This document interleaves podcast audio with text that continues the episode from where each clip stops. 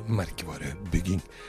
Er det noe annet nå enn det det har vært før? Hva skal vi fokusere på for å få bygd denne merkevaren som vi har så lyst på, da? Holder det lenger å bare lage en historie og håpe at folk tror på den, eller er det andre mekanismer vi må fokusere på nå og i tiden fremover? Dette og mer til skal vi snakke om i dagens episode. Jeg har fått besøk av Monna Nordhagen. Hun er strategisk rådgiver i SDG og har vært det siden 2004.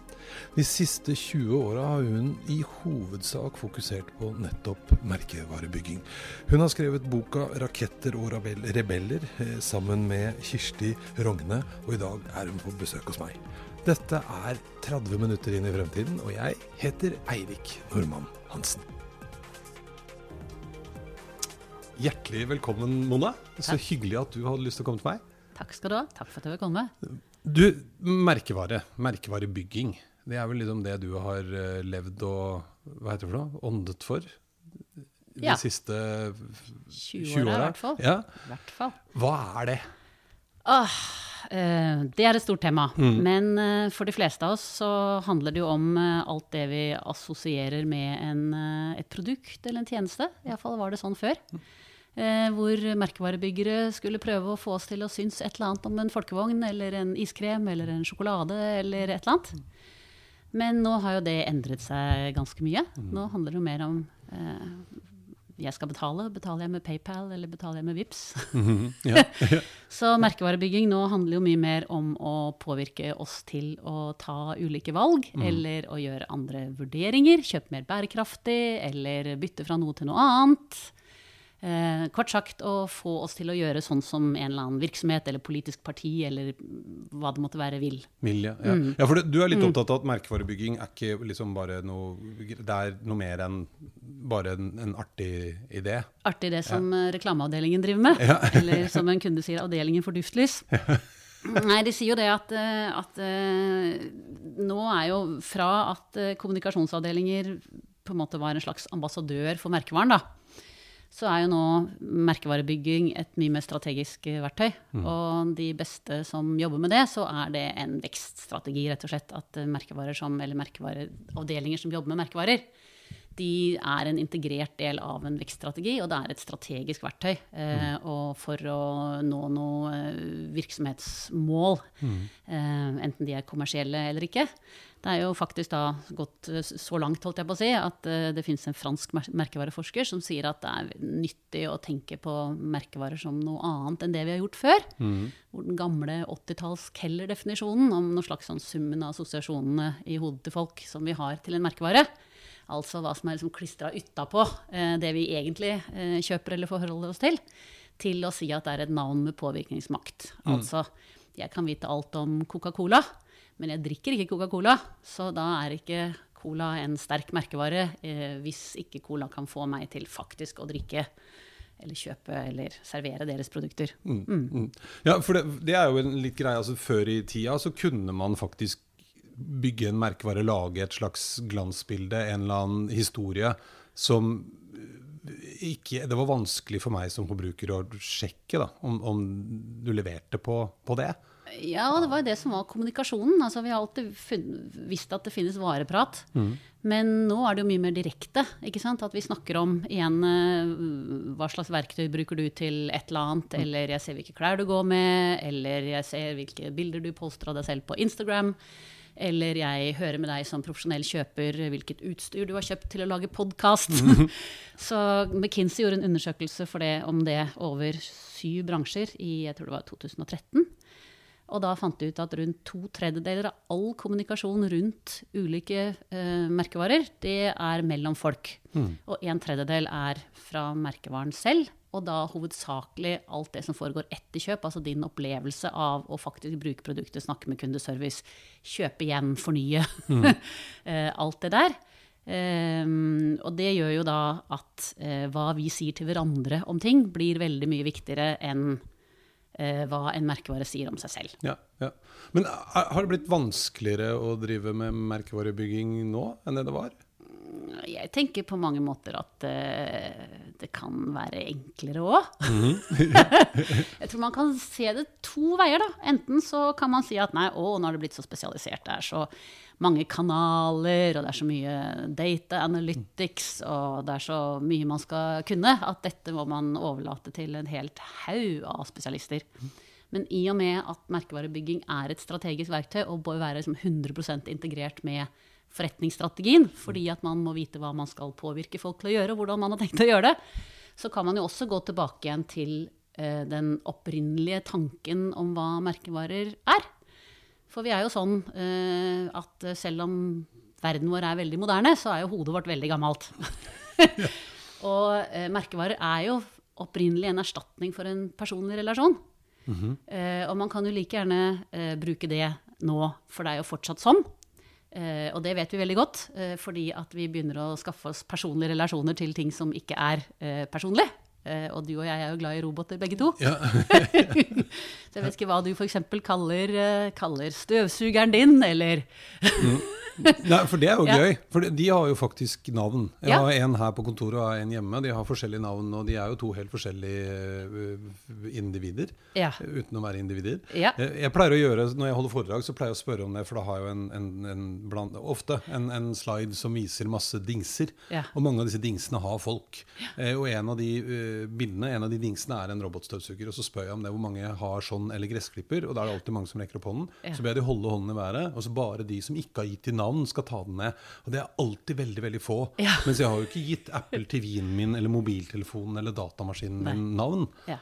Og, og, og flauere enn det er at min støvsuger er en dame, mens min gressklipper er en mann. Det er ja, bare det er flaut. ja, jeg har faktisk begge mine våre, da. For ja. den her er min, men den hjemme er jo vår. Eh, ja. De, heter, de, faktisk, de, er menn. De er menn begge to, ja. og jeg, nå har jeg glemt, og det kan hende han hører det nå, jeg gjetter på at han syns det er gøy, men, men, den jeg har på kontoret, har jo faktisk kalt opp etter min gamle sjef. For jeg syns det er veldig gøy å få melding hver morgen kvart over åtte om at eh, Sven is now cleaning the office. Det syns jeg er veldig morsomt. Det er veldig fint. Ja, det er ikke vondt ment, det er bare på gøy. Ikke sant?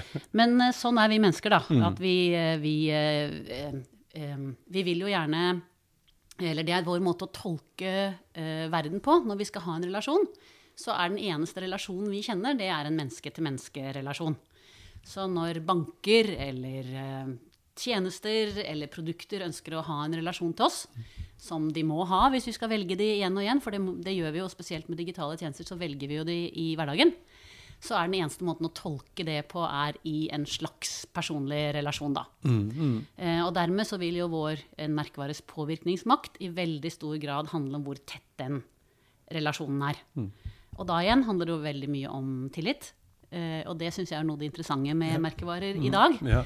Og det er at denne makten da, som merkevarer har, den er eh, ikke nødvendigvis den samme når vi tenker på sterke og svake merkevarer. For kanskje før så tenkte vi på merkevarer som at sterke merkevarer det var merkevarer vi likte. Mm. Men svake merkevarer var merkevarer vi ikke hadde en relasjon til eller ikke likte. Mm. -hmm. Men ta nå hele diskusjonen med Facebook og mm. andre sånne globale brands som vi hater fordi de ikke betaler skatt. Vi liker ikke måten de misbruker data. Mm. Det er en hel masse ting vi ikke liker med dem, men vi bruker de likevel. Mm. Eh, så det er jo da et lite dilemma for merkevarebyggere, er at eh, deres makt og deres styrke, eh, og, eller liking, er ikke nødvendigvis sammenhengende. Mm. Det er ikke sånn heller i Norge at vi nødvendigvis liker f.eks. da at vi bruker den banken vi liker best. Mm. vi påvirkes på andre måter. Mm, så mm. det, det syns jeg. Og det, det, blir litt sånn menneskelig. ikke sant? Det er uh, ikke alle relasjoner du kan velge. Altså ta sjefen din, da. Mm. Nå er ikke han sjefen din lenger, og jeg vet ikke om han var verdens største kjernekar. Det håper jeg han var. Ja, det var han absolutt. Ja, ja, ja. Men uh, det er jo sånn at han hadde jo også makt over deg mm. som medarbeider. Så mm. du kan si at hvorvidt du da likte han eller ikke, det hadde ikke så stor betydning så lenge han var sjefen din. Uh, og det er jo da også interessant for merkevarer, fordi at uh, i den grad vi velger merkevarer igjen og igjen og igjen, så er du faktisk avhengig av å ha en god relasjon. Men hvis du er i en låst situasjon, som vi føler oss kanskje i forhold til mange av disse globale brandene, så mm. spiller det ingen rolle om de er på en måte menneskelige drittsekker. Mm. Fordi vi er låst hos de likevel. Men det er klart at i det øyeblikket du får et alternativ, så har de jo på en måte mistet alle Ja, eh, da har du mistet all eh, kapital, på en Ja, måte. ja, ja. for det blir jo litt forutsetningen for de. Altså Hvis det kom en eller annen eh, Hva skulle den hete? Jeg vet ikke. Handbook? Noe annet enn Facebook som var det samme. Ja. Så hadde de hatt et problem. Ja, og da nytter det ikke helt om, om de sier unnskyld. Vi, var bare, vi var bare noen sånne kids in the dorm room. Mm, Ja, ja. visste ikke helt hva vi gjorde, og så har vi fått mye mer makt enn det vi trodde. Og unnskyld, unnskyld, vi skal Mm. skjerpe oss. Da er tilliten brutt. Og det vet vi igjen fra menneskelige relasjoner, er at vi lar oss ikke påvirke av mennesker vi ikke liker. Det er liksom en helt sånn grunnleggende premiss. ja. Ja. Så det er fortsatt bedre å bli likt eh, enn ikke å bli likt. Det er helt imperativt å bli likt. Og det har jo også noe med at eh, vi pleier å si i merkevaresammenheng at relasjoner er det nye løftet. Mm. For uh, i dag med alt som er av bransjeglidning og iterasjoner og substitutter og alle de strategiske Mm. eh, på en måte tsunamiene som hele tiden slår ulike bransjer, da, Mm. så er det jo alltid en eller annen, et eller annet sted eh, i verden som stikker hånden i lommen og sier 'this changes everything'. Mm. Og da kan jo det som var løftet i din kategori eller din bransje, være irrelevant.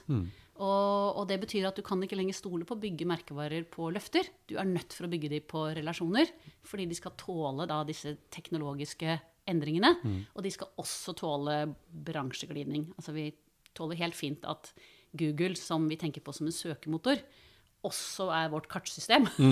det er ikke noe problem. Nei. ikke sant? Eh, men det er klart at i gamle dager hadde vi ikke gjort det. det er liksom, kartsystemer det var kartsystemer, og eh, leksikon var leksikon. leksikon, og du kunne liksom ikke tenke deg at Cappelens eh, ville jeg Kanskje akkurat Cappelen kunne lage kart, men altså, i mange bransjer så vil det som helt være utenkelig at ja. eh, man kunne gjøre flere ting. Skjønner. Men nå, eh, nå er det jo det på en måte mest naturlige i hele verden å kjøre rundt i en eh, Apple-bil etter hvert, eller være med Google til Mars. Ja, ikke sant? Ja, vi skal jo til Mars. Vi skal har Mars. kjøpt billett begge to. Eller vi har ikke kjøpt, vi har vel fått, vi har forhåndsbestilt. Vi har forhåndsbestilt Ja, det blir veldig gøy. Jeg gleder meg veldig, veldig til det. Ja. Mm. Men, men ja, det, La oss, la oss ta samme tur. Det, ja, det har vært gøy. Vi har jo så mye å snakke om nå. Eh, men nei, for jeg henger meg litt opp i en av de tingene du sier. For det virker jo også som om én ting er eh, egenskapene til et produkt. Mhm. Som jeg vil bygge opp som en merkevare. Ikke sant? At den er billig, og den er fin, og den er lett å Mm. Ja. Mm. reparere, og den uh, gjør det den skal gjøre. Det er liksom, og det var det veldig fokus på før. Ja. Uh, mens det er litt sånn given, på en måte. Hvis du skal Ja. lage bil, så må den på en måte ha ratt og fire hjul og kunne kjøre og rygge. Ja. Mens det er de andre egenskapene, andre altså verdier, bærekraft er jo en greie nå, Ja. eh, som du ikke bare kan si at vi er veldig miljøvennlige, men du må kanskje kunne bevise at du er det også. Ja. Det er faktisk akkurat kommet eh, to veldig spennende undersøkelser på det. Det ene er en som eh, viser at eh, bærekraft er eh, Innenfor eh, konsumentmerkevarer så har i de siste fem-seks årene så har markedsandelen ikke økt så mye. Den har økt i USA, den har økt fra 14,1 til 16,1 prosent over alle forbruksvarer. Men den tar altså Den vokser 500-600% raskere enn andre. Og det var over noe sånn 90% av eh, kategorien eller noe sånt. Sånn at bærekraft er en kjempe eh, megatrend som eh, alle merkevarer må ta i seg. Ja, ja. Eh, og det andre var nå når hospitalen har vært ute og sagt at han tror dette kommer til å gå helt eh, Alle disse bæ- bærekraftsbrandene kommer til å gå til H. Så er det en annen undersøkelse som viser at eh, det er to måter bedrifter må forholde seg til sine bærekraftsløfter på. Det ene er alt det som driver kategorien. Altså biler må bli mer miljøvennlige. eh, matvarebransjen må bruke mindre emballasje. Eh, og det viser seg at de som er raskest på ballen der, så øker eh, aksjeverdiene eh, mer. Og det er, liksom, det er nå ettertrykkelig bevist. Eh, mens de som bruker eh, bærekraft som noe differensierende, altså at de putter bærekraft på en unik måte inn i, sin, eh, i sitt tilbud på et eller annet vis, eller i sin strategi, i sin leveranse, de gjør det ikke bare bedre på børsen, de gjør det også bedre resultatmessig. så sånn, beviset er nå inne, Ja. eh, og det er stort sett basert på data som de sluttet å ta inn i sånn 2017-2018, og det er jo egentlig nå det virkelig har skutt fart. Skuttfart, ja. ja. At det er bare å kjøre på. Ja. Men igjen, man må bestemme seg hvordan man skal gjøre det. Og da er det liksom ut fra et sånn merkevareperspektiv da, så er det jo interessant at det er markedsleder som vi som kjøpere har forventninger til at eh, de skal leve etter Pippi-prinsippet. Hvis man er veldig, veldig sterk, så må man være veldig, veldig snill. Så en sterk markedsleder vil da altså undergrave sin egen merkevare hvis de ikke tar løftet for sin egen bransje. Mm. For det er de som ligger foran og drar, og gjør ikke de det, så skjer det ikke. Nei. Nei. Ja, for Det har jeg ikke tenkt på før. For det er kanskje sånn at du er mer obs på også det du opplever som store og sterke merkevarer, Ja. enn alternativet som du aldri har hørt om, men som lager noe greier, og så sjekker vi ikke om de nødvendigvis er så snille. Nei, og så er det litt igjen hvis vi sier at sånn, For å gjøre det enkelt, da, så er merkevarer liksom, vi, vi oversetter det til en menneskelig relasjon. Så tenker du at en statsminister har større ansvar enn naboen. Naboen som er statsminister, men altså sånn en hvem som helst på gaten, da. Ikke sant? Sånn at det statsministeren gjør, eller en stort konsern gjør, det er liksom det vi, vi sier at de må ta ansvar. Det er, liksom, det er det det handler om å ha makt. Mens da vi alle andre, eh, vi får mene eller ikke mene noe om, eh, om flyskam eller andre ting. Ja. Men det er ikke så mye vi kan gjøre. Nei, for det, vi kan egentlig bare si litt at uff, skulle ikke flydd så mye. Og så er det liksom Nei. greit. Men Også, statsministeren ja. bør helst la være. Ja, Ja, ikke sant? ja. Og så er det jo sånn at uh, igjen, hjernene våre er jo sånn laget at det som gis oppmerksomhet, det antar vi at er viktig. Så ta bilbransjen, da, hvor først Toyota og etter hvert andre brands har fulgt etter for å virkelig ta bærekraftsutfordringen på alvor. Ikke sant? Så har, for å da ta flybransjen, så har flyprodusentene har jo ikke gjort det. Nei. Og derfor så er vi opptatt av å kjøpe miljøvennlige biler. Eh, nå har myndighetene også lagt til rette for det her i Norge, men liksom, på en måte hele verden nå begynner å flytte seg mot miljøvennlig retning med bil, mens i flybrandene, flyprodusentbrandene, de har ikke hatt det presset på seg, for det, liksom, du tenker ikke på Kjører jeg med en Airbus eller kjører jeg med en Boeing, liksom? Nei, og det blir jo litt som du sa. Ja. Altså, hvis jeg først har kjøpt flybilletten, så Ja. Skal jo på tur, da. Så skal jeg på tur, ikke sant? Og ingen tenker på sånn nei, jeg flyr heller med Boeing eller et flyselskap som flyr med Boeing, fordi at de har liksom virkelig tatt dette alvorlig. Det gjør du ikke. ikke sant? Så, igjen, så, så de har da kunnet liksom gjemme seg bak at det er så veldig langt bort til de, at de har ikke tatt det ansvaret også. Dermed er da liksom flybransjen veldig veldig langt etter i forhold til f.eks. det bilbransjen er. Men, men hvis jeg er, Mm. en, hvis jeg er en, eh, en vanlig, gjennomsnittlig norsk bedrift eh, For de er jo ikke Coca-Cola eller Boeing eller Mm. Nei. Telenor eller Nei. ikke sant? Hva, hva, hva skal de gjøre, da? Hva, hvilken ende skal de hva, hva er viktig for de? Når de, skal, de skal jo også bygge De er jo merkevarer, de òg. Ja, ja. Eh, altså igjen, vi er jo det. Mm. Vi er jo alle på en måte navn med påvirkningsmakt. Det er du og jeg òg, det. Ja, ja, ja, ja. Og i den, i den definisjonen så er det også mye, in, mye mer interessant å tenke også utover bedrifter. Men for bedrifter så handler det jo bare om å forstå denne dynamikken. ikke sant? At det er faktisk du bygger merkevaren og bedriften din på relasjoner. Enten det er business to business eller det er, eh, er eh, mer business til privat. Og det er myntet på tillit. Ja, ikke sant? ja. Eh, og nå tar jeg en litt stor bransje igjen, men jeg tar f.eks. For forsikringsbransjen nå i det digitale skiftet. Eh, vi er jo ikke sånn kjempeglad å avgi dataene våre eh, sånn helt uten videre. og ta da f.eks. disse pluggene du kan sette inn i bilen din, eh, og så tolker den kjøredataene dine, og så kan du få billigere forsikring basert på det. Og da tenker jeg at denne tillitsdimensjonen blir ekstremt viktig. Fordi at uh, hvis du ikke stoler på at forsikringsselskapet ikke bruker de dataene til alt mulig rart som de ikke skal, så vil du ikke avgi dataene. Og da kan du heller ikke få fordelen ved at du kanskje kjører bedre, kanskje færre i Norge krasjer. Ikke sant? Kanskje vi sparer liv i trafikken. Altså alle de gode tingene som kunne ha skjedd dersom vi hadde hatt tillit og kunne dele disse dataene.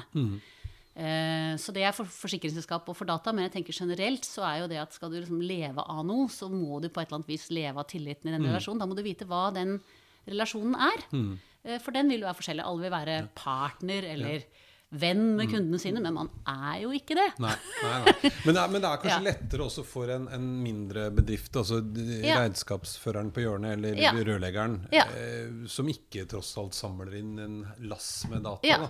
Eh, det er liksom grenser for hvor mye ugagn de kan gjøre. Ja, absolutt. Men allikevel så er de jo da desto mer avhengig av relasjonen til de kundene de faktisk har. Ja, ja, de Ja. kan levere det på andre måter. Så jeg eh, tenker at eh, det smarte er å, å lage en Det fins noe sånt som kalles en sånn minimum viable product, også for en sånn MVP for en merkevare. Og det er i hvert fall å vite hva du er, altså hvilken kategori du er i. For kategori det er sånn som hjernen vår må Hjernen må forstå hva noe er, før de kan forholde seg til det. Eh, Så du må vite hva du er, hvilken kategori er du i. Og så må du vite litt hvilken rolle du spiller i den kategorien. Igjen, vi har forskjellige forventninger til markedsledere. mm. Eller til utfordrere, som vi forventer å være et tydelig alternativ til. Eller pionerer, altså de som prøver en måte å endre hele måten bransjen deres driver på. Eh, og så må vi ha et forhold til differensiering. ikke sant? Så det er, liksom, det er posisjoneringen må du ha et forhold til. Og så må du ha et forhold igjen til liksom, igjen den der klassiske hvis merkevaren min var en person. Ja. Hva slags person er det? Altså, hva er man kjennetegnet ved? Igjen, hva slags relasjon har vi? Og hva skal man ha igjen? Hva er det jeg tilbyr i den relasjonen? Det er sånn, noen venner er sånne som man går og fester med, mens andre venner er den man eh, går og gråter til Ja, ja, ja. eh, på en regnfull dag. Eh, og noen trenger man bare å se en gang hvert tredje år. Uh, og da er man happy. Uh, og er det med en merkevare, så er ikke det så bra for merkevaren. Mens andre har man lyst til å relatere seg til hver eneste dag og ha rundt seg hele tiden. De Ja, ja. gifter man seg med. Ja. Eh, både merkevarer og personer, forhåpentligvis. Men, men, men men gjør bedrifter det noen ganger litt sånn vanskelig for seg selv? Jeg tenker jo at den eksempelet ditt med forsikringsselskaper eh, Jeg tipper jo på, og dette er bare spekulasjon, altså, men det er jo litt sånn at forsikringsselgere har jo ikke, har ikke vært så langt unna bilselgere på en måte i renommé.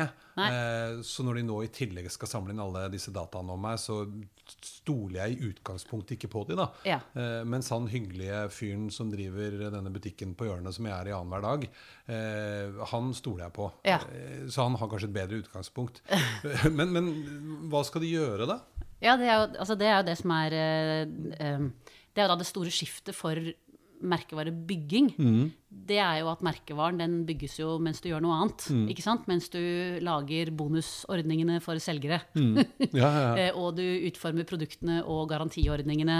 Og du bestemmer hvem som får rabatt og hvem som ikke får rabatt. Er det de eksisterende kundene som får den beste prisen, eller er det nye kunder som får den beste prisen? ikke sant? Så alt det der er jo med å bygge denne relasjonen, denne forståelsen av hvem hvem denne slags menneskelige erstatningen da, for dette selskapet er.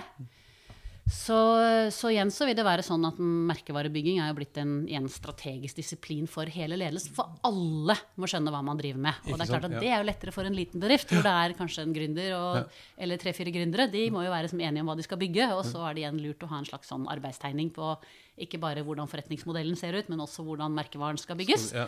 Og så er det på en måte å kjøre på og ikke gjøre det så skrekkelig vanskelig. Ikke sant? Ja, Men for ja. Store selskap så gjelder det jo da også å forstå ofte sånn hva er det dette selskapet vil? Mm. Og nå har jo hele verden gått, gått seg bort til et sånn Simon Sinek purpose-helvete. Mm. Ja. Eh, hvor alle skal ha en sånn purpose slappet utenpå hva enn det er de driver med. Mm. Istedenfor å virkelig sette seg ned og si hva er det egentlig Egentlig, ja. denne butikken vår kan bidra til av godt her i verden, som Ja. Mm. kanskje ikke nødvendigvis er så poetisk, men det er i hvert fall viktig.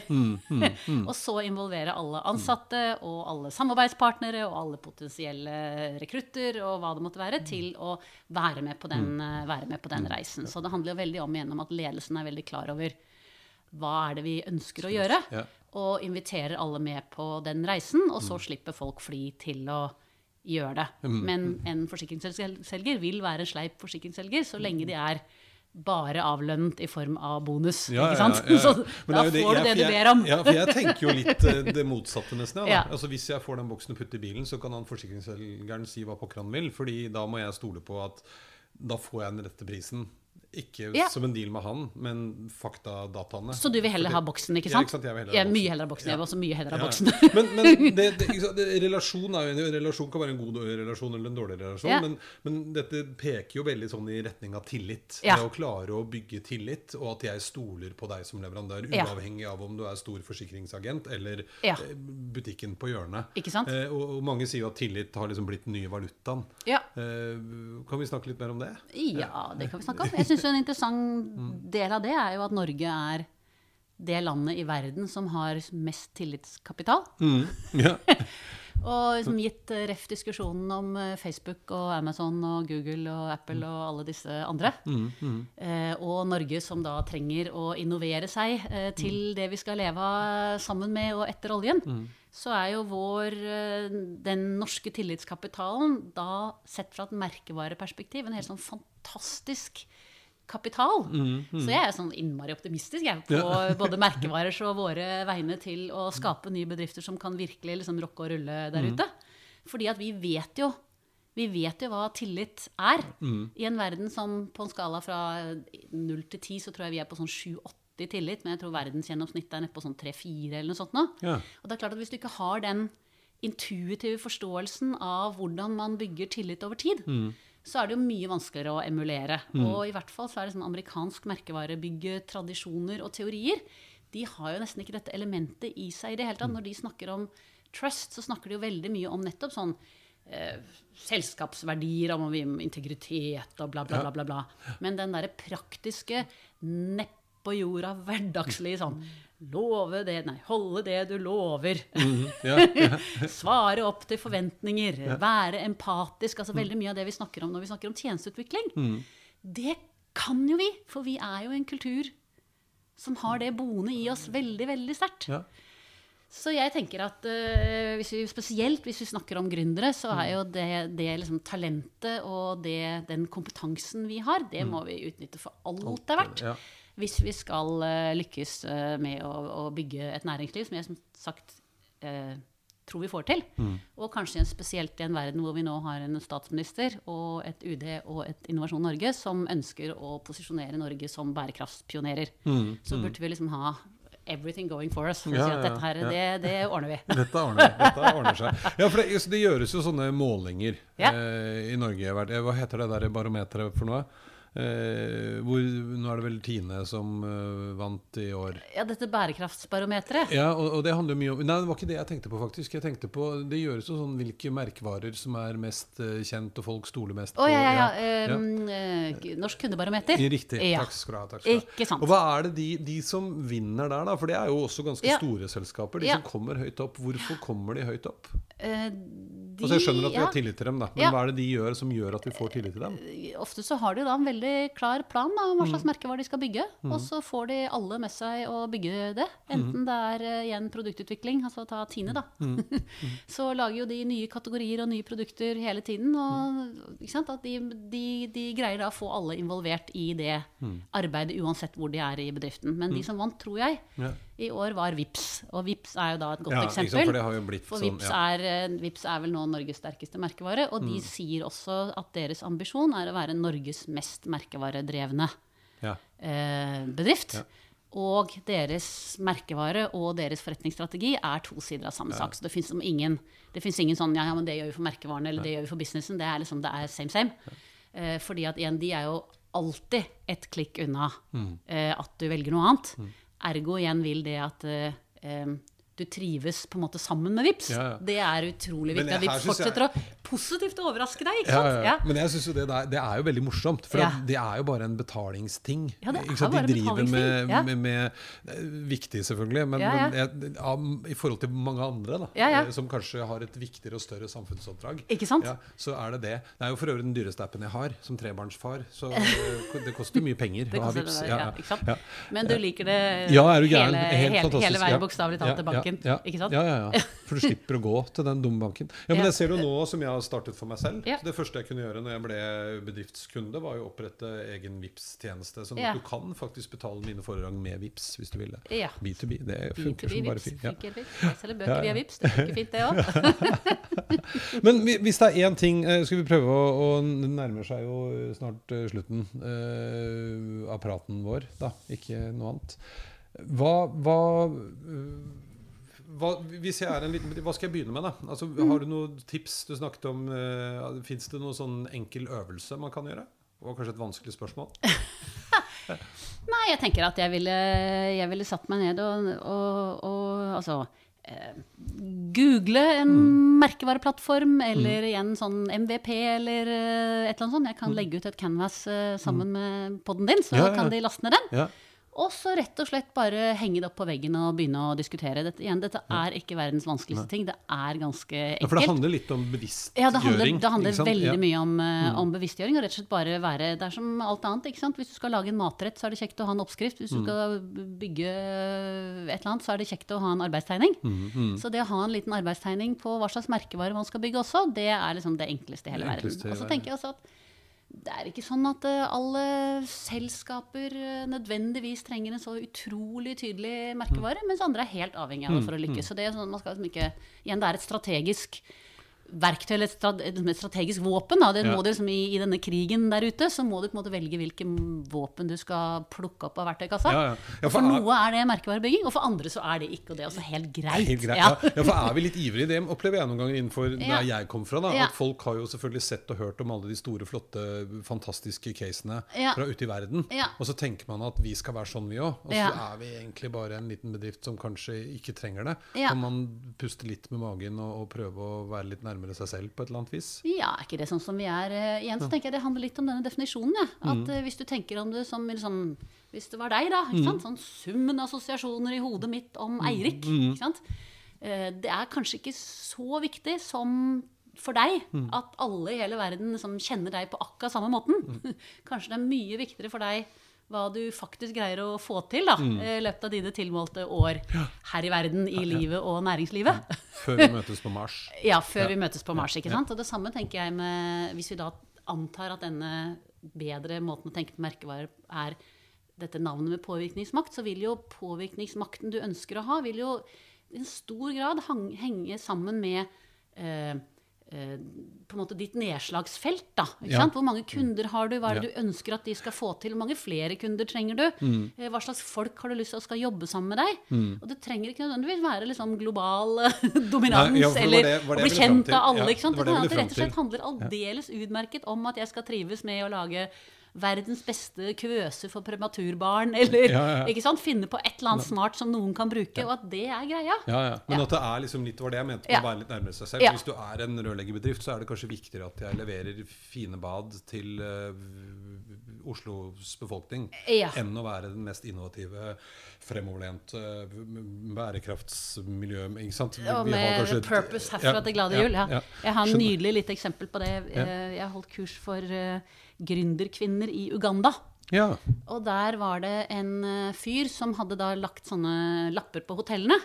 Og han drev sånn, sånn tuk-tuk, sånn liten sånn som skulle kjøre Ja. deg fra sted til sted. Ja, Eller sånn en trehjuls, ja, eh, nei, ting. Ja, Ja. ikke sant? Og hans løfte, det var Swiss time. ja. Ja. Så Og det i Kampala å komme på riktig sted til riktig tid, det er nesten umulig. så hans løfte, det var Swiss time. Ja. Og det var liksom alt du trenger å vite. var liksom, Ringer du han, så er du på Swiss time. Swiss time. ja, Ja. Det er veldig, veldig gøy. Men nå, hvis vi skal heve blikket litt uh, opp og frem Nå har vi Ja. snakket om hvordan det er i dag og litt uh, frem i tid. Ja. Uh, men hva tror du om 2030? Er litt lenger frem. Ja, litt lenger frem. Jeg må tilbake til bærekraft igjen, jeg, da. Ja. Eh, og det igjen har jo da med, igjen, hvis vi merkevarer som jeg driver med, skal være noe med et navn med kraft til å påvirke, så har vi jo bare denne korte tiden, da. Mm.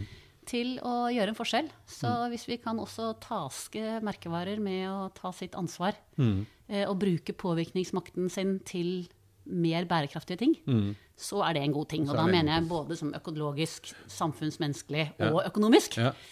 Så tenker jeg at det er en fin oppgave å gi merkevarer. ja. Mm. Kjempebra. Tusen hjertelig takk, Mona. Igjen, takk for at jeg fikk komme. Takk. Takk for i dag.